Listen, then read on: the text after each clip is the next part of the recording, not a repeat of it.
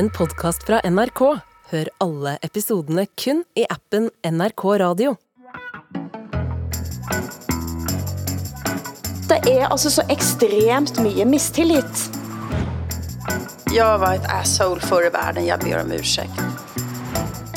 Så siger man i dag i Sverige, Zlatan er Zlatan. Norsken, svensken och dansken med Hilde Sandvik, Åsa Lindeborg och Hassan Preisler.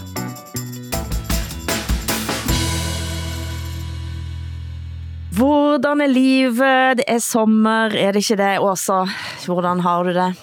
Jo, men jag sitter ju mest inomhus och, och eh, arbetar. Jag har förberett två föredrag den här veckan. Ett Oj. eh, för Klassikampen som jag ska hålla på fredag. Men sen eh, alldeles när vi är klara här så ska jag faktiskt iväg till Bergen där du bor, Hilde. För gjett om jeg skal komme og høre på.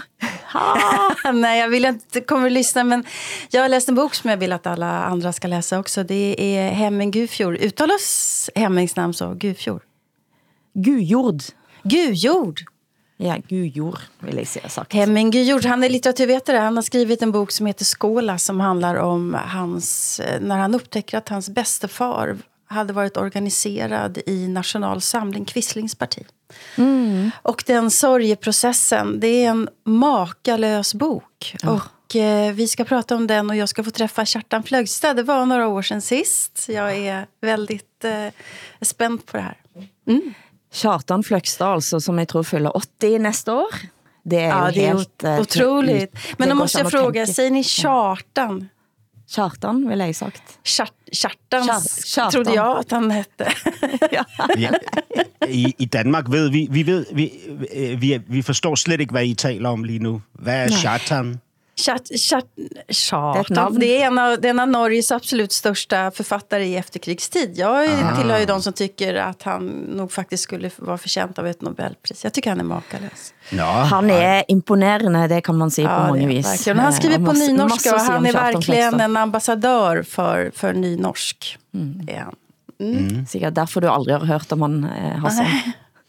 ja, altså, jeg, Men- jeg havde jo ikke hørt om noget norsk, før jeg mødte dig, Hilde. Jeg vet det. Jeg vet det er sådan. Men hvordan har du det? Nå spørger jeg hver uke, hvordan har du det, Hassan?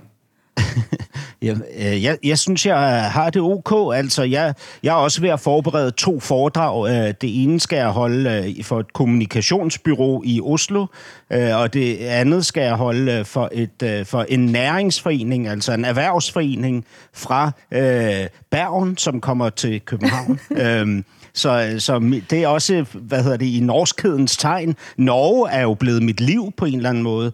Så jeg burde jo også kunne nævne en norsk øh, forfatter, jeg er i gang med at læse, men det kan jeg ikke, fordi jeg startede på at læse øh, Anais Nin. Ja. Jeg læste de erotiske noveller, da jeg var ung, men det var mest for at onanere. Nu er jeg gået i gang med at læse hendes øh, litteratur, altså ja. Henry og June for eksempel. Ja. Ja, Øh, er altså, det er jo, hold kæft, hvor er hun fantastisk. Ja, ja, altså, ja, ja. øh, Man, var så længe siden, jeg læste. man kan bruge Anna Isnin til så meget mere end at masturbere. Eh, men, eh, altså, jeg Hvad med dig, si, Hilde? Hvordan? Jeg har det fint. Jeg er i Asker, rett utenfor Oslo, og her er det altså, jeg gik og bada i fjorden i, i går, og jeg må bare si at Oslofjorden eh, byr på så mye, men, eh, men det jeg har tænkt på, jeg må, jeg må fortælle dere en ting. Husker dere at vi snakker om digte som Utdanningsdirektoratet selv havde digter til engelsk eksamen i Norge? Husker dere det? Ja, Det var dålig den var, den. ja. Og det var ikke det eneste de havde digter, fandt Aftenposten ut. Blandt andet har de skrevet om historisk tale for John F. Kennedy. De la rett og slett til lidt bilder og retoriske virkemidler, rett og Ich slett. bin ein Burgunder. eller, nej, det er blandt andet en tale til amerikanske universiteter i, eh, til amerikanske universiteter i 1963, der han siger, Not merely peace for Americans, but peace for all men and women. Not merely peace in our time, but peace in all time. det har dere hørt. fred i alle tider. Og så skriver, lægger altså Uddannelsesdirektoratet til, After all, we all breathe in the same air. Nej, Nej! de er jo sindssyge. Vi synes jo kanskje det, det, var, det passer fint, men altså, jeg vet ikke hvilken luft dere puster i, Hassan og Åsa. Men jeg må i alle fall få gratulere dere begge to med nationaldager som har været siden sist. Og hvordan var det med det svenske flaggans dag, Åsa? Så langt jeg kan se, så var det ingen norsk eller dansk for den del kommentator som foreslo på den dagen, at flagget bør stikkes op i rumpen, sådan svenske Gunilla Brodrey foreslo om det norske, den norske nationaldagen. Men debatt har det likevel blitt, må man sige, om Hilde, det du, svenske du flagget. är fortfarande arg över den där texten. nej, detta är en overgang. Spille det op, kom igen. Nej, men ut med det nu, Hilde. Nej. Lufta. Vi, Jeg skal lufte det svenske flagget nå. Jeg vil, jeg vil smear the flag, altså jeg vil, eh, hvad var det, tilsmusse det svenske flagget i de næsten minutterne. Ja, men det kan vi gärna skedde? göra. Jag brukar annars vara bäst på att göra det. Nej, men det som skedde det var att eh, alltså vi har ju inga, vi har inga traditioner i Sverige för hur man firar den här nationaldagen. Därför att den är inte knuten till någon historisk händelse som till exempel eh, 17 maj eller någonting sånt där. Och det, vi har aldrig varit med i krig, så det är ingen fredsdag. Det är liksom inget särskilt. Utan historikerna är själva osäkra på varför har vi valt just den 6 juni. Så vi är ganska, vi är amatörer på det här. Så vill Men- du fråga vad jag gjorde? Jag satt hemma och jobbade. Jag arbetade. Ja, men, men altså flagget har det allikevel blitt stor debatt om, og altså, jeg læste en kommentar i Victor Malm, som skrev i Expressen, at han havde trodd, at man skulle aldrig diskutere det svenske flagget, og han har eh, på en måte, så var det en, han, han var veldig stolt, når han i, i samtale med en norsk redaktør sa, at dette kunne aldrig skjedd eh, i Sverige, at vi skulle blitt så sinte på, på Gunnar, Gunilla Brodrej, hvis det var omvendt, og, og han sa, at vi har haft en helsosamt avslappnad indstilling til nationalsymbolet, sedan Karl Johan de Greer skrev kuken på svensk flagg i 1967. Og han, han mente også det at Norges eh, krænkte følelser er farlige, som han skrev. Eh, men, men, men nå, er det jo, nå har jo til og med Alex Schulman, eh, forfatter og podcaster, eh, blitt krænkt fordi at folk ikke vifter med det svenske flagget på studentflakan, som det heter. Jeg vet ikke, hvad studentflakan er. Men det är må det russebuss det? Det er russebuss, ja. Eh, og, Studenterbus, ja. ja. Studentebuss. og på disse studentflakan så er det ikke noe eh, svensk flagg eh, når studentene fejrer altså at de er færdige, men, ja, men gjerne somaliske og iranske og irakiske og hvad det måtte være. Og det blev, pludselig så kjente til og med Alex Schulman at han blev kränkt. Ja, han fick ett sånt här så kallat Jimmy moment. Att vid något tillfälle så blir alla nästan Sverigedemokrater. Jag undrar om det här är en vandringssägen. För att jag har sett många studentflak, russebussar nu med svenska flaggor. Eh, så att jag undrar hur vanligt förekommande det är att det bara är somaliska, irakiska och afghanska flaggor på de här eh, flaken. Men jag kan samtidigt också förstå att man undrar, okej, här som Alex Schulman, här har de gått, här har de gått en utbildning i Sverige som skattebetalarna har betalat och så tackar de inte eh, Sverige för det. Att det är en provokation. Ehm, jag, kan förstå, jag kan förstå den känslan. Å ena sidan. Å andra sidan kan jag också tänka in, idén av invandrare i Sverige, invandrarungar, det är att de, in, de är slöa. De bryr sig inte. Eh, de är kriminella. De, de pluggar inte, studerar inte, utbildar sig inte, arbetar inte. Så här kommer de här då och visar vi har tagit studenten. Och det här är varifrån vi kommer eller våra föräldrar kommer. Det kan ju också vara liksom en manifestation som är som kanske är någonting som jag tycker är viktigt. Och, eller också är det så att man inte känner sig hemma i Sverige och då är, då är det intressant i sig själv. Då får man väl prata om det då i så fall. Jeg, du- jeg, læste også den her øh, kronik i øh, Expressen, ikke? og jeg, jeg tænkte straks, øh, det, det er jo, altså nogle gange så bliver man så aspektblind, ikke? det gør man jo også som svensker, at man ikke ser, at ens antinationalisme i virkeligheden er noget af det mest nationalistiske, Ja, ja, der vist. findes. Ikke? Altså, Absolut. det er jo så, det, det driver ned af væggene af svensk nationalisme i lige præcis den her kronik, han har skrevet, hvor han foregiver, at nationalisme er dødsens farlig og så videre. Ikke? Øh, og, og så tænker jeg, det, det er jo, altså, i Danmark for 30 år siden, for 30 år siden, der flagede man med flaget på fødselsdag, og når man havde familiemedlemmer, som kom hjem fra en udlandsrejse, ikke? alle andre tidspunkter blev, øh, blev Dannebro øh, forbundet med nationalisme. Sådan er det ikke længere. Øh, og det er jo øh, takket være øh, mangfoldiggørelse af det, som engang var blev betragtet som noget højere nationalistisk. Ikke? Og jeg tror, når man stadig kalder det Jimmy Moment, det Alex Schulman havde, så, så er det nok øh, i, som noget af det sidste, der, der kommer til at ske i Sverige. Ikke? Fordi om, om fem eller ti år, så vil det ikke længere hedde Jimmy Moment, at man kæmper for sit øh, for sin ret til at flage med det svenske flag, så tror jeg, at det vil være helt standard i mm. Sverige, att man flager med flaget och är stolt över det. Ikke? Fast jag måste ju också säga på de här 55 åren som jag har bott i Sverige så, så har vi ju en annan inställning till svenska flaggan nu än förut. Alltså när jag var barn så var det inte många som flaggade med flaggan eller gick runt med en flagga som symbol så här eller så. Eh, och idag är det ju vanligt. Alltså här på Södermalm där jag bor, som ändå är eh, progressivitetens mecka, hänger ofta svenska flaggor ut från, från balkongerna. Prideflaggan hänger också. Men mm. man ser svenska flaggor på sätt i det offentliga rummet som absolut inte fanns när jag var barn. Så det är ju någonting som har hänt. Och det är klart att, att, eh, det är klart att Sverige också får ett annat förhållande till, till nationen när tiderna är som de är. Mm både internt med inre spänningar eh, med högerpopulismen som ju är väldigt stark i Sverige nu. Kanske en, en, Sverige är ett av de mest starkaste länderna i, i Europa ju, högerpopulism. Men också globaliseringen och också kriget och det är massa saker som mm. påverkar det här. Du hører norsken, svensken og dansken. Denne uken blev Sandhets- og Forsoningskommissionens rapport om statens fornorsking av samer, kvener og skogfinner lagt frem. Rett efter at kommissionen leverte rapporten til Stortinget, blev de 700 sidene læst højt fra landets hovedscene til hele Norge, og det blev sendt på NRK TV. Velkommen til Nationalteatret. Velkommen til en direkte sendt læsning av Sandhets- og Forsoningskommissionens rapport. En rapportläsning om fornorskning av samer, kvener og skogfinner. Det var stærkt, og det var klart, og det var hæftig, og helt rätt kan en si, og vi er altså inne nå i en forsoning efter at over en tidsperiode på over 150 år blev drevet systematisk urett i statlig regi med en virkningshistorie helt til i dag. 32 timer tog det at gennemføre oplæsningen og fremføringen Norge lytter blev også altså sendt eh, direkte på TV, og mange satt og så og lytter. Eh, har dere sett noget på det? Nej. Nej, tyvärr. Det har, jag, det har jag inte gjort. Men, Men jag kan föreställa mig att det är en extremt stark eh, upplevelse att, mm.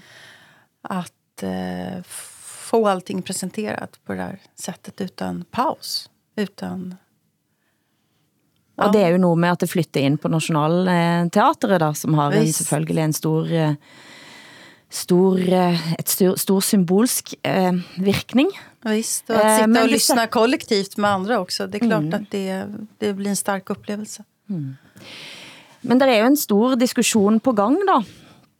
Eh, for på den ene siden så er det jo dette emotionelt stærke som pågår, sammen med Fosenkampen og en diskussion om det samiske.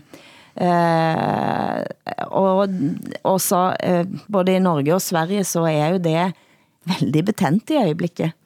Mm. Ja, det är det. Alltså, jag, jag tänker, dels så har vi uppmärksammat på senare år väldigt mycket samisk kultur och det är alltså eh, litterat, skönlitteratur om, om eh, det sam, förtrycket av samerna har ju vunnit stora priser och stora framgångar och eh, Eh, det är vittnesmål som är otroligt eh, omskakande. Men sen har, och det är en sak. Men sen har vi också den andra frågan. Vem, vad är man när man är same? Därför att det kopplas till materiella rättigheter nu. Och då måste man ju liksom ha en definition av vem är same. Och vad ska en same ha för rättigheter? Och är samer överhuvudtaget en, eh, en homogen grupp? Mm. Altså, jeg, øh, når, når jeg, jeg har jo læst lidt om den her forsoningskommissions resultater, og det er jo altså den her fornorskningspolitik i forhold til blandt andet samerne, har jo, har jo, altså det er jo voldsom læsning, altså over mm. 150 år er der jo blevet bedrevet øh, altså uretfærdighed, ikke systematisk statslig uretfærdighed, ikke? Det er der jo ikke nogen tvivl om. Øh, og så kan man jo også sige at den norske regering nu i dag har opført sig voldsomt idiotisk ikke? i forhold til beskyttelse af, af naturområder, ikke? I, i, i forhold til opførelsen af den her vindmøllepark. Ikke? Okay, jeg er med på det. Ikke? Samtidig, øh, og det sidder jeg meget forbeholden med at sige det her, ikke? men samtidig så får jeg det også sådan i forhold til de her... Øh, altså befolkningsgrupper, som står over for hinanden i en mere og mere intens konflikt, hvor historien bruges som argument mm. øh, mod, mod øh, ens øh, partner. Ikke? Øh, at, at jeg kan ikke se, hvordan denne her type øh, kommunikation kan udvikle sig hensigtsmæssigt. Altså, fordi det bliver bare mere og mere intenst og mere og mere brutalt, den måde, man ligesom kommunikerer på. Og det hele handler om skam. Ikke? Altså, man skal føle skam ikke? og skyld. Og jeg, kan, jeg, jeg kender jo det her fra den anden side, fordi jeg har været en så inkarneret del af den danske integrationsindustri gennem mm. et helt 10 år. Ikke? Jeg ved, hvor vanvittigt det bliver, når man kører ud af de der motorveje, som bare øh, øh, altså spreder sig fra hinanden, og lige pludselig så kigger man op, og så, så det, man egentlig havde håbet på, ikke, som var en genforening, altså en værdig genforening, er blevet til, til den største afstand, man overhovedet kunne forestille sig. Mm. Og det, det synes jeg er en, altså sådan en ulykkelig tendens, jeg ser i det her, de her identitetspolitiske slag, som det her også er. Ikke? Altså hvor følelserne får frit løb, og hvor man ikke længere ser på, om der også har været eller er gode elementer i forbindelsen mellem folkene i dag. Ikke? Mm. Det, alt det bliver aldrig nævnt. Det er forbudt at sige noget godt om Norge, for eksempel hvis man er same. Det, er, det virker nærmest øh, utilladeligt at udtale sig positivt om Danmark, hvis man er grønlænder, ikke? Og så videre. Og det, jeg, jeg, jeg kan ikke se, hvordan det her kan føre et, også et godt sted hen. Og, og det er jo netop det som gør også at på den ene siden, den ene siden av mig tænker at uh, hele Norge lytter, Sandhedskommissionen bliver læst op 30 timer, det er enormt stærkt, vakkert og grusomt, og det træffer hjerter, og det træffer tårekanalene. Uh, det træffer alt som er, bare sådan, hvad er det som gør at folk kan opføre sig på denne måten mot andre?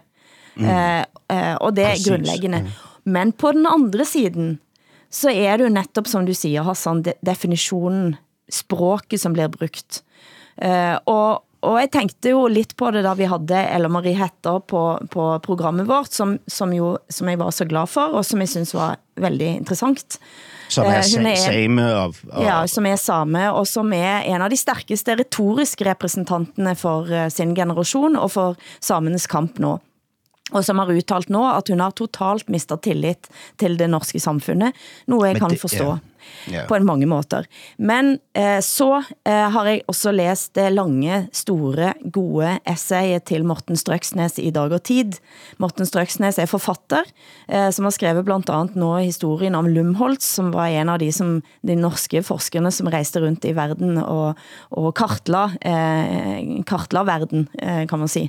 Eh, eh, og biologisk mangfold. Eh, og og som er langt inne i diskussionen om hvor, hvor stammer disse begrepene fra. Han går blandt andet ind i begrebet urfolk og ser at det også har røtter i kolonialtid.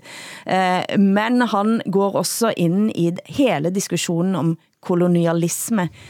Og utgangspunktet hans var netop at Ella Marie Hetta satt på NRK slog hånda i bordet til statssekretæren for Olje- og Energidepartementet og sa, at Sameland, Sápmi er kolonisert i tusindvis av år av nordmænd. Eh, og det var hans udgangspunkt for at virkelig dykke ned i historien om stemmer det at vi har et kolonialisert del av Norge. Og han som er, altså han går enormt langt i den å, å si at han forstår kampen. Eh, og han kommer selv fra Finnmark og har vokst opp med kvensk, samisk, norsk, eh, som er det Norge som er en smeltedigel. Og denne typen samtaler, som det han starter her, det tænker jeg jo, at vi blir nødt til at ta, og så er jeg også så redd for, at det blir umuligt at ta. Fordi vi først og fremmest agerer på skammen, som du siger, Hassan, eh, og som er også, som vi bør ha. Vi men, bør men, kende, at det også angår os selv. Men prøv en gang at forestille jer en hvilken som helst anden sammenhæng, hvor den ene part siger til den anden part, jeg har fuldstændig mistet tilliden til dig. Mm. Altså, hvilken vej er der frem efter ud fra sådan et udgangspunkt? Ikke? Mm. Altså, øh, øh, jeg har sagt det til mine forældre, men det førte jo ikke en bedre kommunikation mellem generationerne øh, øh, frem. Øh, hvis mine børn kom og sagde det til mig en dag, jeg ville jo gå i, altså, jeg, jeg ville jo gå i paralyse, ikke? Mm. Jeg, jeg ville jo ikke kunne fungere længere. Hvordan, altså, hvordan kan det være en hensigtsmæssig måde at kommunikere på? Altså, jeg forstår, at det er dramatisk, og jeg forstår, at man kan stå på barrikaden og sige den slags ting, og hele ens flok vil rejse sig bag en og sige, wow, hvor var det, øh, hvad hedder det, godt formuleret, ikke? Men hvad er formålet? Er formålet, at få en bedre debat, en bedre kommunikation i gang, hvor man taler i dybden om de her ting, men med hensyn til, at det er mennesker, man sidder overfor. Norge er, er ikke en statisk øh, øh klippeformation. Norge er 6 millioner, 5 millioner mennesker. Ikke? Altså... Ja, og så er det også sådan, at det er ingen enighed heller i det samiske miljø. Eh, en ung kommentator som heter Synnøve Vereide Trampe, som, eh, som også har samisk og kvensk bakgrund, skrev om det i, eh, i en artikel i Dagsavisen, der hun siger, altså, det er et udtryk som heter same same but different. eh, og at siger at det, er, altså det, at det ligger klare konfliktlinjer også i nord er ikke noget nyt. Det har været tre kulturer og tre språk. Men dette er en sandhed, og likevel ikke, siger hun. Gennemsnitsfinnmarken er både samisk, norsk og kvensk. For mange så er, er avslører blodet i My Heritage, hvis en tester sig, at en er blandet, og selv er hun lidt av alt, siger hun. Og hvad er hun da? Eh, og, og, og det at der ikke er nemlig en, en stor sandhed og en stor enighed, gør også, ja. at det er uhyre vigtigt fremover, tænker jeg, at, at ha debatter, som den Morten Strøksnes lægger op til på et roligt vis.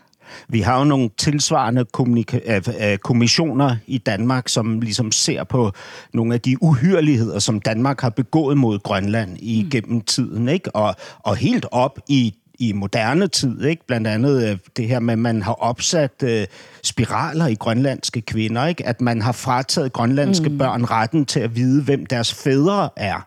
Øh, sådan at, øh, at der i dag lever øh, øh, mange tusind øh, grønlænder, som ikke aner, hvem deres far er, ikke? Øh, og så videre og så videre. Det her er jo kun to af mange sager, ikke? Men de her sager bliver ligesom puttet i samme kasse som det faktum, at den nye arktiske ambassadør ikke er øh, grønlandsk. Mm. Ikke? At det, det bliver ligesom øh, på samme måde en illustration af, at Danmark ikke respekterer Grønland og fortsat bedriver øh, kolonialistiske praksis ikke? Oppe, oppe i Atlanten. Ikke? Og, og, og det er jo ikke sandt. Altså, det er jo ikke sådan, virkeligheden er. Mm. Og på den måde, så, så synes jeg, at, at diskussionerne bliver altså afsindigt betændte, fordi man på den ene side skal stå og sige undskyld for sine uhyreligheder i fortiden og til dels også i nutiden. Og samtidig skal man jo have en kommunikation op og køre om en praksis i dag, hvor det mm. ikke går, at den er så skyld- og skambefængt. Ikke? Fordi så kan man ikke kommunikere. Nej, men jag, jag tänker, dels det handlar om, om statens skuld eh, och eh, etniska svenskarnas kollektiva skuld genom generationer. Sen handlar det om att, att, att skam går i arv genom generationer. Alltså man har eh, förfäder som har fått sina skallar mätta i rasbiologiskt syfte. Det där går i mm. arv. Det är klart att det här är någonting som måste bearbetas. Ja. Så kan jag sitta här i, i radio och liksom ha åsikter om det här. Men jag är mest eh, lite beklämd på något sätt av vad mycket aggressioner det är och vad sorgligt allt är. Och Ja, sådan har jeg det også. Og jeg, altså, jeg, Skuld och skamtyngt. Helt klart, og jeg, jeg ønsker altså fra, fra bunden af mit hjerte en oprejst grønlandsk nation, fyld, fuld af, af, af, af, af grønlændere, som er stolte og, øh, og, og stærke i deres øh, tro på, på deres egen nation. Men det er klart, at hvis det skal foregå i kontrast til Danmark, hver gang, ikke? Eller, eller med Danmark som, hvad kan man sige, som årsagen til al smerte og ulykke, ikke? Så, øh, så synes jeg, det, det bliver rigtig svært at kunne gå ind i det. Ikke? Og, og jeg, øh, altså, jeg tænker også over de her øh, mange punkter, som øh, Grønland egentlig har haft muligheden for at overtage driften af, altså domstolene, øh, øh, pol- politistyrken på Grønland og sådan noget. Ikke? De, øh, I Grønland har man kunnet hjemtage de her øh, øh, hvad kan man sige, institutioner, men har øh, faktisk ikke gjort det over de 15-14 år, man har haft mulighed for det. Ikke? Og det, det er jo også, hvad kan man sige, noget man bemærker og, og tænker om, at måske er der også noget godt i mm. samarbejdet. Ikke? Måske er det også øh, gode bidrag, man forsøger at komme med fra Danmark, øh, også når man overfører de her 4-5 milliarder kroner om året i bloktilskud. Ikke? Altså måske er der også noget godt i relationen. Kan man, kan man inkludere det i debatten, så tror jeg, at tingene vil glide nemmere. Ikke?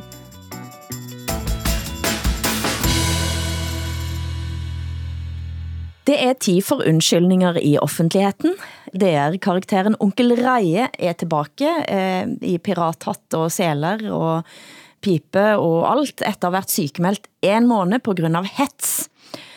Og det giver oss en anledning til at snakke om både han og undskyldninger, eh, men også en anden dansk personlighed, som heter Brian Mørk, som også oplevede sådanne shitstorms eh, i sociale medier eh, og måtte give sig. Eh, og, og vi har, har altså, vi snakker om store undskyldninger til store grupper her, men her er det altså undskyldninger overfor eh, enkeltpersoner det gælder, Hassan. Og du må forklare oss eh, lidt bakgrunden her. Altså, onkel Reje er jo en Ramachan-karakter, og Ramachan er den del af Danmarks Radio, som er for børn. Ikke? Øh, Super, NRK Super ville det været i Norge da. Ja, øh, han, er, han er sådan en figur, som optræder på børnetv, øh, og er en brodende, øh, hvad hedder det, øh, lidt grænseoverskridende, øh, piratagtig fyr, som ikke kan lide at gå i bad, og så videre. Ikke? Og, og han er blevet øh, anklaget, altså både karakteren og manden bag karakteren, er anklaget for både pædofili og satanisme og seksualisering og, og hvad som helst. Ikke? Altså øh, brutale øh, anklager, som har fået skuespilleren bag karakteren til at, øh, at blive, altså, at trække sig fra offentligheden, og, og programmet har været lukket en periode. Det er nu tilbage igen. Ikke? Mm. Øh, det, der jo har været øh, godt at opleve, det er, at der til denne her shitstorm har været en modbølge, altså en hel masse mennesker, der har forsvaret retten til at demonstrere denne her form for humor, også for børn. Ikke? Mm. Øhm, og, og, og, og på den måde, så kan man jo sige, at de her, der producerer den her shitstorm, i virkeligheden er endt i deres egen lille shitstorm. Det er jo faktisk bare mig, der er inde i Onkel Reje, og jeg vil gerne lige benytte lejligheden til at sige tak for alle de varme, hjertelige beskeder, jeg har fået, og tegninger, og blomster og øl.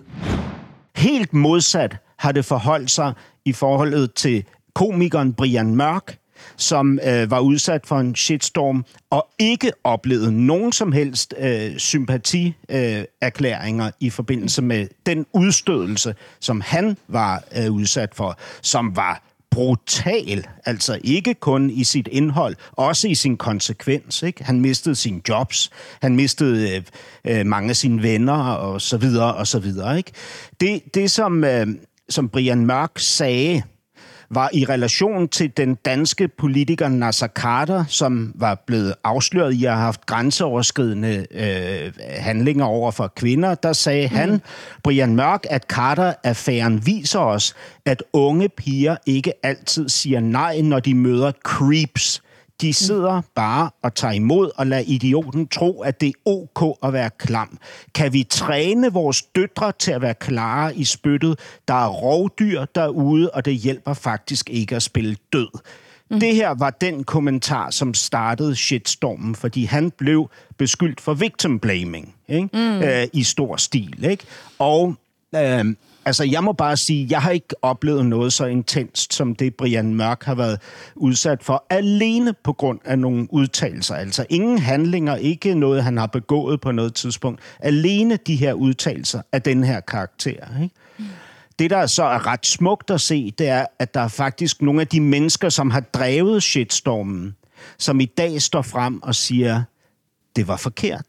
Ja. Jeg, blev, jeg blev grebet af, af den her øh, flok øh, øh, hvad hedder det, hvad er det, vi kalder det, flok, flok, flokmentalitet. Øh, flokmentaliteten, ikke? Øh, og, og gik bananas sammen med de andre, og, og jeg fortryder det, det var forkert, øh, mm. og jeg undskylder, ikke?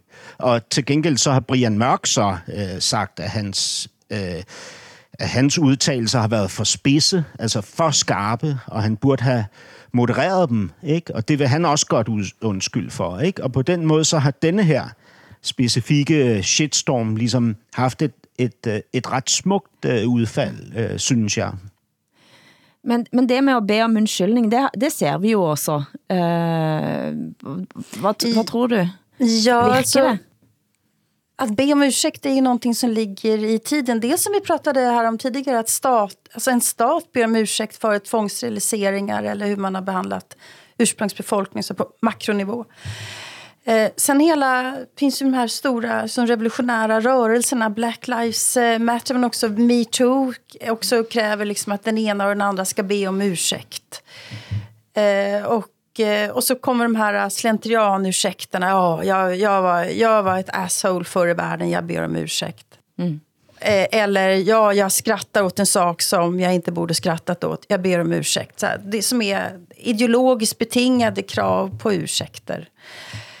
Eh, vi har också haft exempel i Sverige där, där en och annan gått ut och sagt jag deltog i drevet då, jag ber om ursäkt. Mm. Då är frågan, blir hon trodda? Accepterar vi att man säger så här? Eller vill vi inte godta den här ursäkten? Det, det är inte alls säkert att, att man gör det. Och då är frågan, ja, borde jag bett om ursäkt mm. om ingenting händer? Sen har vi ju den här politikerursäkten som har varit så slentrianmässig i Sverige. Och det är att man säger det är beklagligt, jag beklagar att... Och så hör man den här politikern bryr sig inte ett skit eller det här betyder ingenting. Eh, jag beklagar eller, ja. att inga tåg går i Sverige. Vi har en chef för Statens järnvägar, SJ nu. Hon ber så mycket om ursäkt. Hon säger så mycket förlåt och förlåt och förlåt så att man är rädd att hon ska börja gråta när hon säger förlåt. Då går det nästan åt det andra hållet. Men det er jo det, det du stiller spørgsmål ved, er om vi tror på uh, undskyldninger. Mm. Uh, jeg så her om dagen uh, finsk, uh, finske debattøren i Norge, Sanna Saroma, som har gjort en karriere av på veldig vittig, ofte treffende vis kritisere Norge. Uh, hun, er ganske, hun er god på det, kan man si. Uh, og jeg selv lærer og kritiserer selvfølgelig den norske skolen sønder og sammen og mener alt med den finske er mye bedre, og hun har helt sikkert ret. Men så satt hun også i en fire timers podcast med Wolfgang V, som er pod, altså Joe Rogan i Norge. Eh, og i løbet av de fire timene så sa hun, hadde hun åtte sekunder der hun sa noget hun aldrig skulle ha sagt. Hun eh, sammenlignede, hun sa om Tonje Brenner, som er uddanningsminister, at eh, eneste kvalifikation hun har, er at hun var på Utøya. Oj då. Ja, shit. Eh, og det blev selvfølgelig fanget op og, og, og, og umiddelbart kommenteret på. Eh, hvorpå eh, Sanna Saruma la sig fuldstændig flat med det, som jeg oplever som en ægtefølt eh, kommentar. Hun siger, skulle aldrig gjort det, og nu har hun læst altså boken, som Tonje Brenner skrev om at være på Utøya. Eh, og hun har mødt Tonje Brenner, som hun oplever som en, en dygtig, god person og hun skriver dette. Men det stopper på en måte ikke kampen Nej. mot Sanna Saroma. For det at pludselig så har man fått noget på henne, liksom. Ja. Uh, og, og, det, og, og det jeg tænker mye på, jeg har tænkt masse på det også nå i forbindelse med Pride, uh, uh, og i forbindelse med alle diskussioner som pågår nå, at der er altså så ekstremt mye mistillit. Man har ikke tillit til at folk er genuine, eller, har, eller at man faktisk gør fejl, og si, siger etterpå, jeg dummer mig ut. Og så når man ikke bliver trodd på det, så lurer jeg på, hvad er det, det skyldes? Ja, men, men shitstormens funktion er jo ikke at fremkalde en undskyldning. Altså, mm. dens funktion er jo at kategorisere øh, nogen som onde, så man selv kan føle sig god. Ikke? Er, er, er det ikke det, det går ud på Jo, det hele? jo da. Ja, og så vil jeg sige, i forhold til at sige undskyld, altså, øh, så, så er der jo ligesom flere elementer i det, ikke? Fordi siger man undskyld for at undgå en, shit, en fortsat mm. shitstorm, siger man undskyld, fordi man rent faktisk øh, beklager øh, det, det, man har gjort, ikke? Øhm, øh, øh, øh, eller siger man undskyld, fordi man lover, at man aldrig vil gøre det igen, det man mm. har gjort. Ikke? Så, så kan jeg sige, i forhold til sagen omkring Brian Mørk, så vil jeg gerne sige undskyld.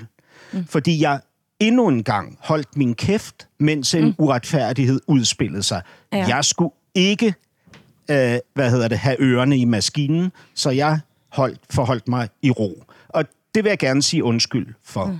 Og det er en oprigtigt ment undskyldning. Mm. Men betyder den undskyldning, at jeg ikke kommer til at gøre det igen? Nej. Jeg kommer til at gøre præcis det samme næste gang, fordi jeg er en kujon.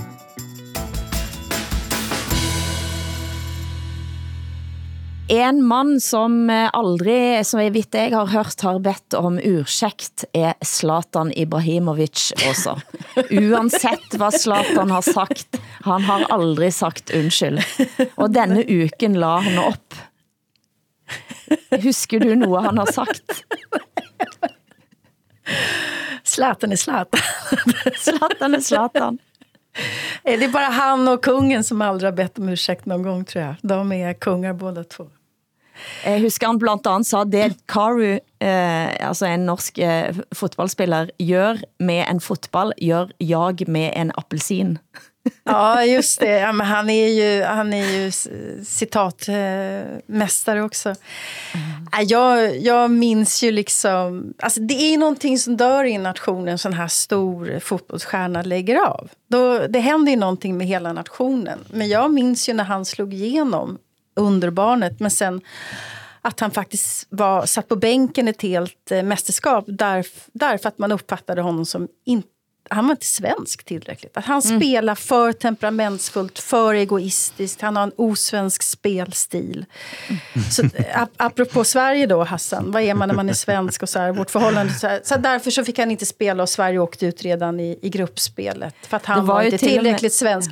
Och det är ju ganska, ganska fascinerande faktiskt. Att, eh, Det var jo til og med David Lagerkrantz skriver i denne boken, som har solgt mer end Bibelen, tror jeg, om eh, Zlatan Ibrahimovic, at, eh, at til og med så var det sådan, at han spilte på som barne- og ungdomslag, så slog de svenske Hvitmedelsvensson-familien slog sig sammen og gik til klubben og ville stemme ut denne mannen.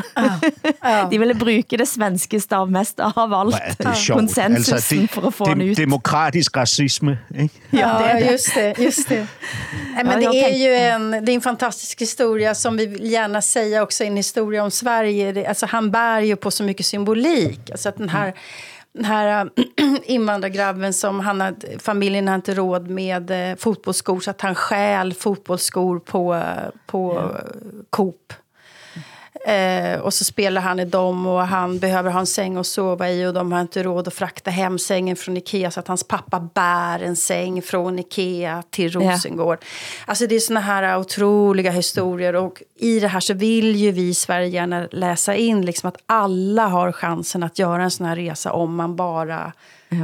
Det räcker inte bara att man har talang utan man ska också hugga i så att det är det individuella ansvaret alltid. Det nydeligste jeg vet om er jo Zlatan sin eh, Volvo-reklame, når han eh, deklamerer den svenske nationalsangen. Du gamla. Du fria. du fjällhöga nord. Han, att han ändrar ju. Han säger inte jag vill leva, jag vill det i Norden. Jag vill Nej. leva, jag vill det i Sverige. Ja, men det skal vi jo ændre på. Jag vill leva, jag vill dö i Sverige. Han gör reklam för Volvo samtidigt som Volvo såldes til Kina. Så Ja, det, Men, men, det, det er jo også ret vildt, altså, fordi han er jo gået fra at være en udstødt øh, ung mand eller dreng, ikke? Øh, altså en, der ikke kunne inkluderes i svenskheden, til at blive et svensk nationalsymbol. Nå, Ikke? Og uanset hvad han gør, om han reklamerer for, for uh, produkter, der bliver hvad hedder det, fremstillet af, af slavebørn, eller, eller øh, bedriver alt sin vold på banen, som han jo gør. Ikke? Uanset hvad han gør, så siger man i dag i Sverige, Zlatan er Zlatan. Ja, ja, sagde det jo og, og, og på den måde tilgiver man ligesom hans... Øh, altså, det, det som... Altså, prøv at høre, jeg, jeg må sige, jeg er ikke ked af, at han stopper. Jeg synes, øh, Zlatan var en formidabel øh, fodboldspiller på bestemte områder, men jeg var træt af at kigge på, på den vold, han udøvede på banen. Altså, øh, han, han er... Ja, han er decideret øh, vo- voldelig. Altså, overfor, jo, han er. Det er han. Nej, det Jo, skulle jo. jag inte säga. Lige, altså prøv at høre, der, er, øh, øh, du skal prøve at gå det igennem, Åsa. Der ligger Ah, okay. utallige YouTube-klip med, med denne her mand, som øh, hiver i folks tøj. Han, han, hvad hedder det, slår dem i gulvet, når dommeren kigger bort, og så videre, ikke? Altså, det har, han har jo en Men han historik värre af den her. Han är, han, är inte, han är inte känd för många röda kort till exempel. Så. Nej, nej, fordi han er jo pisse strategisk omkring det her, ikke? altså, han, han fik jo også et, øh, et, han fik jo bare et gult kort, da han sendte Ma- Materazzi på hospitalet, ikke? Altså, Ja, ja, men det är alldeles sant. Det är riktigt. Det är riktigt. Du lyssnar på norsken, svensken och dansken. Skandinavisk familjeterapi. Zlatans barndom i Rosengården med tomme kjøleskap har vi læst om, Eh, men hvem er egentlig berettiget en traumatisk barndom? Det stille, spørgsmålet stilles nå i Vikenavisen. Helle Malmvik, forfatter og forsker, har skrevet et dikt, som er en henvendelse til forfatteren Glenn Beck, som i løbet av det sidste året har altså bragt klasseperspektivet tilbage i den offentlige debatt med boken Jeg anerkender ikke længere jeres autoritet. Eh, ja, det er et hæftigt dikt, eh, Hassan. Jamen, det, det, det, altså, det er et fantastisk digt. Altså, og, hvad hedder det, hyldes til Weekendavisen for at bringe det her på forsiden, fordi det er, altså, det er ikke alene promoveringen af digterkunsten og et skidegodt digt, det er også, hvad hedder det, øh, udvidelsen af en diskussion, som jeg har savnet, blev udvidet. Ikke? Altså, Glenn Beck har rettet en rå kritik i direkte du-form mod de privileg- privilegerede, altså den hårde kerne, som øh, øh, øh, ekskluderer og dikterer. Ikke? Mm. Øh, og den her hårde kerne er, er præcis defineret som den den, øh, altså som den, øh, øh, ja, ja, ikke engang som overklassen, men altså det han for eksempel siger, det er, øh, Hvordan føles det at diktere en dagsorden, spørger han i sit digt, ikke, Glenn Beck.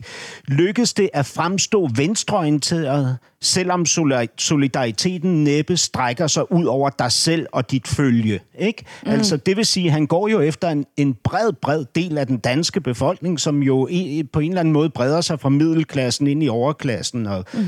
og så videre. Ikke?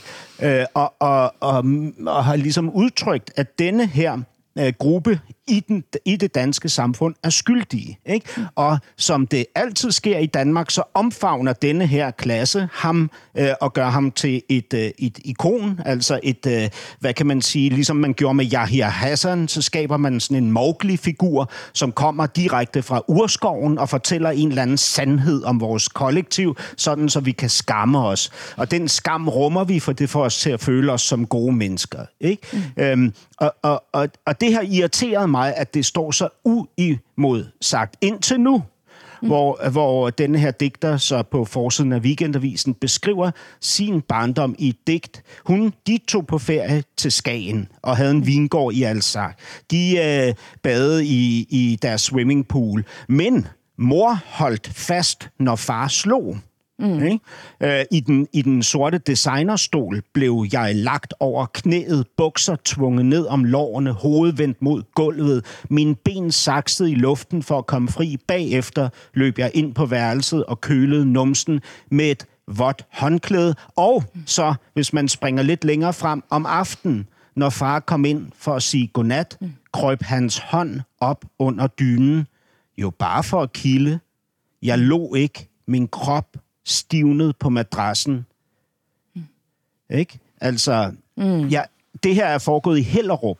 Uh, Hellerup, jeg ved ikke, hvad man sammenligner det med i Oslo og Stockholm, men det er sådan en nordlig bydel ud til vandet, ikke? Og så spørger hun... Djursholm kanske på svenska.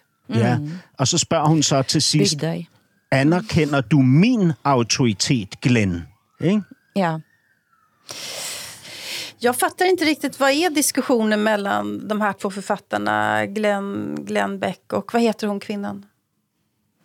Vad heter Hun, hon? het, kvin- hun heter Helle Malmvik. Malmvik. Jag förstår inte riktigt, vad är diskussionen? Handlar det om vem som kan ha en lycklig eller olycklig barndom? Det är klart att man kan ha en olycklig barndom oavsett vilken klass man, man kommer ifrån. Alltså är, är frågan så primitivt ställd verkligen? Ja, det kan du sige, men det, men det er jo symbolsk, ikke? Men, men det er sådan, hvis du ligesom dissekerer samtalen, så er det jo det, den går på. Kan man have haft en dybt ulykkelig barndom som overklassebarn, ikke?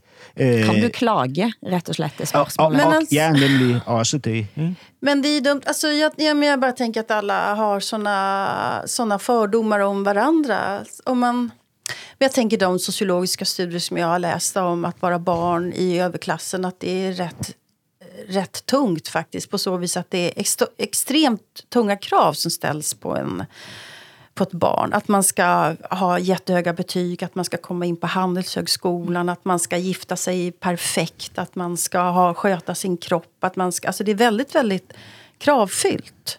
Föräldrarna är ofta borta och sådär. Det, det här tror jag är liksom erfarenheter som andra inte riktigt kan förstå.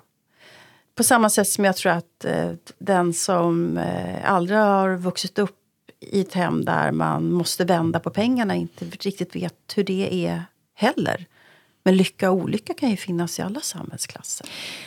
Men det går jo ind i denne diskussionen, eh, som vi egentlig begyndte med i dag også, eh, når Ella Marie Hetter siger, at jeg har mistet fuldstændig tillit til det norske samfundet, så er det også en del av en større trend, der ordet dere har dukket op i så mange eh, litterære sammenhænger. Dere vite, dere svar, altså, eller helst, Ni- altså, ni vita. Ni, ni vita. Ni rika, eh, ni- ni, kvin, ni ni vita män. kvinner, ja, eller ni, dere, og Glenn Beck mm. siger deres autoritet, så er det overklassen eller middelklassens Ja. autoritet. Jeg Og det er så jeres. dere. Ja, på jeres. dansk, ikke? Men Jeres. vad, vad är det för fel med Men- det? Det är ju poesi. Nej, jag det är klart att den får är- vara agitatorisk eller... Jeg sa ikke, det var en fel, jeg sa, det var en trend.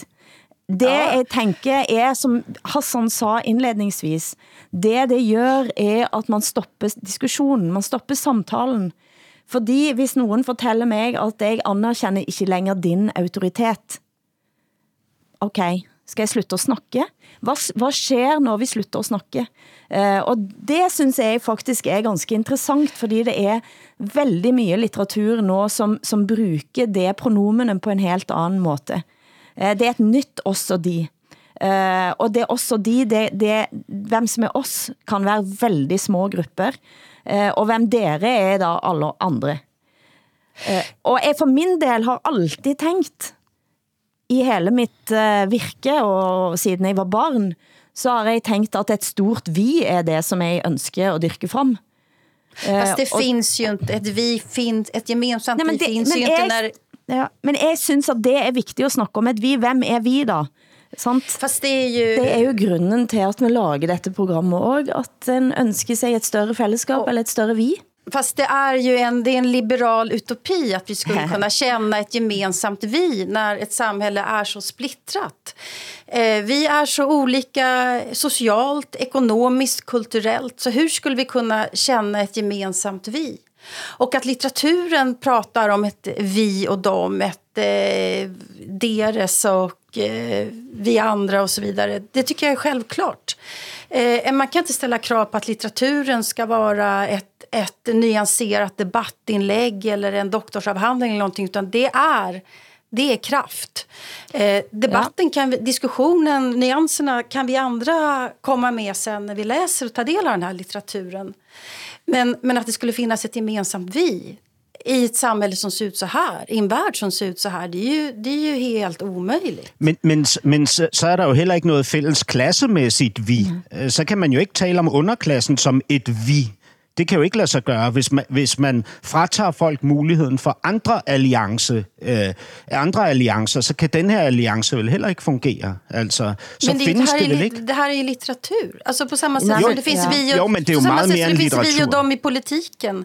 Det är meget det mere finns end vi, Det litteratur. finns vi och dem på arbetsmarknaden. Det finns, det finns vi och dem i nationen. På, på olika, stad och land, vi och dem. Män och kvinnor, vi och dem. Homosexuella, heterosexuella, vi och dem. Det finns vi och dem överallt. Det är klart att det också måste uttryckas i litteraturen. Men det, jeg, sa, jeg sa ikke at det var en feil eh, ting også. Jeg sa ikke det var feil. Jeg sa at jeg synes det er interessant.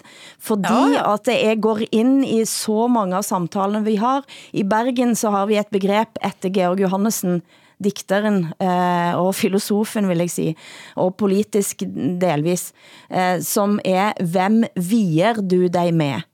Hvem er det du vier dig med er blitt altså mindre og mindre grupper, og splittelsen er stadig større.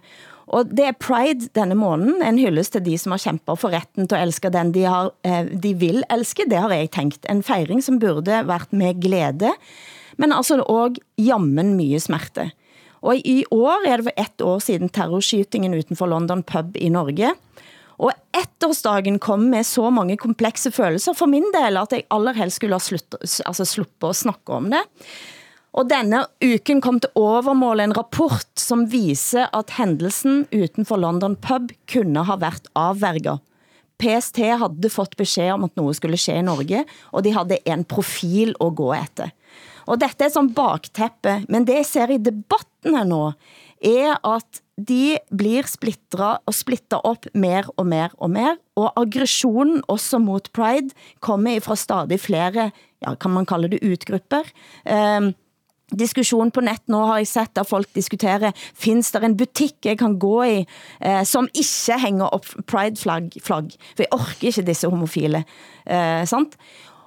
Og, i alle disse diskussionerne her, så er vi blitt stadig mindre, og det skræmmer mig frygtelig, må jeg sige.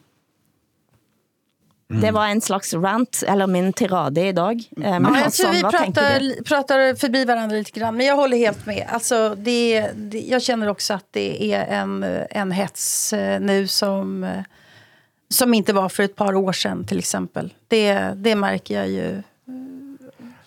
Samtidigt som fler och fler sidor. myndigheter flaggar med Pride-flaggor och så vidare. Så det, det, är liksom, det är två parallella rörelser, det är dialektik i det. Jag skulle vilja rekommendera ett, ett eh, tv-program Eh, SVT har släppt en dokumentär i tre delar av eh, Erik Galli, dokumentärfilmare. Han är homosexuell själv. Och den heter SD-bögar. Det finns fler hbtq-personer som röstar SD än vad vi tror. Det är bara att de syns och hörs inte. SD-bögar är ju SD-bögar först och främst. De är rasister. Han har följt eh, homosexuella högerpopulister både i USA och i Sverige. Och eh, hur de tas emot i Pride-rörelsen men också hur de tänker kring Pride och hur de tänker kring eh, högerpopulismen och eh, homosexualitet eftersom, Mm. Eftersom det finns såna aggressioner mot homosexuella där. Se den, den var väldigt intressant. Hassan, hvad tænker du? Øh, Jeg synes lige pludselig, diskussionen bredte sig ud over, hvad hedder det, øh, mange områder, ikke? Og det er svært for mig ligesom at, at forstå, hvad, hvad indholdet i den er. Men, men altså det, jeg ligesom må blive ved med at vende tilbage til, ikke? det er jo, at hvis man øh, via kunsten, som i nogle tilfælde jo bliver meget mere et debatindlæg end et kun, kunstindlæg, ikke? Øh, eller kunstnerisk indspark, som i dette tilfælde. Ikke? Mm. Hvis man via kunsten siger, at smerte for eksempel er eksklusiv, ikke? så vil der sidde nogle mennesker tilbage og føle, at deres smerte ikke anerkendes. Ikke? Og, mm. og, og, og Helle Malmvig, hun skriver, i Hellerup kan man ikke have en dårlig barndom, tænkte lærerne, naboerne, forældrene, købmanden, bibliotekaren, børnelinjen. Ikke?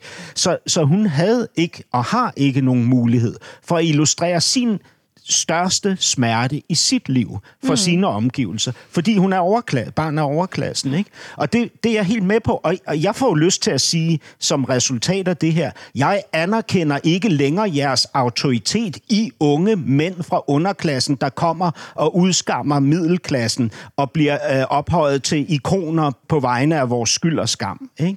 Øhm, det, det, det vil være en kommentar for mig, fordi Gyldendal har sådan en, mm. en, en serie af unge forfattere, som ligesom skal slå til til den her middelklasse, ikke? som så køber den her litteratur for at kompensere for skammen. Ikke?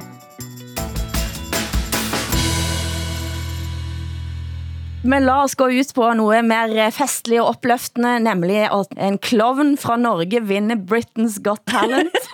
Viggo Venn er mannen. Eh, og hvad tænker dere? Nej, men jag är, jag är jätteglad för er Norge. Jag förstår att ni är jättestolta över att ni har världens bästa clown. Det... Litt, uh, han uh, vet ikke hvor godt uh, briten heller tok mot det, Hassan. Uh, Nej, altså jeg så ham før, uh, før du uh, hvad hedder det, linkede til uh, hans uh, sejr. Jeg vidste ikke, han havde vundet det program. Jeg så ham bare i nogle af de indledende uh, hvad hedder det, optrædener. Ikke? Og det, altså, det, er jo, det er jo skamløst dårligt. The winner of Britain's Got Talent 2023 is... Men ja, tillykke til Norge. I vinder jo på baggrund af, af elendigheder. Se bare på Kasper Rud, han vandt også over den danske tennisspiller Holger Rune. Viggo Venn! Producent har været Eskil Paus, tekniker Hans Christian Heide. Tak til Åsa Linderborg i Stockholm, Hassan Preisler i København. Jeg, Hilde Sandvik, sitter i Asker. Programmet er produceret af både og for Broen XYZ for NRK, SR og DR, der redaktør for programmet er Ole Jan Larsen. Vi høres igen om en uke, og husk at de nye episodene lægges ut allerede på lørdager i SR Play, DR Lyd og NRK Radio.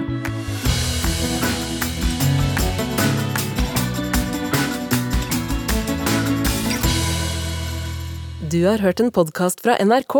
Hør alle episodene kun i appen NRK Radio.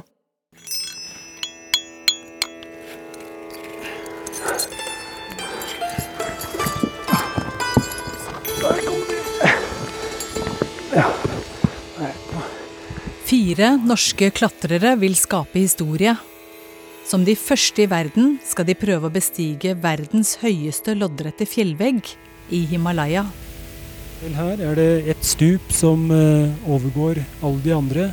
Det er det vi har rett foran oss nå, nemlig østveggen på Trango.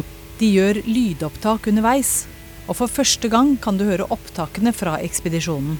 Og uh, det er den veggen vi har tenkt å forsøke å bestige. To av dem kommer helt opp. Da var norskruta på Trango et fenomen. Men på vei ned så forsvinner de ut av syne. Da slår det meg fort og hardt at nå har det skjedd noe.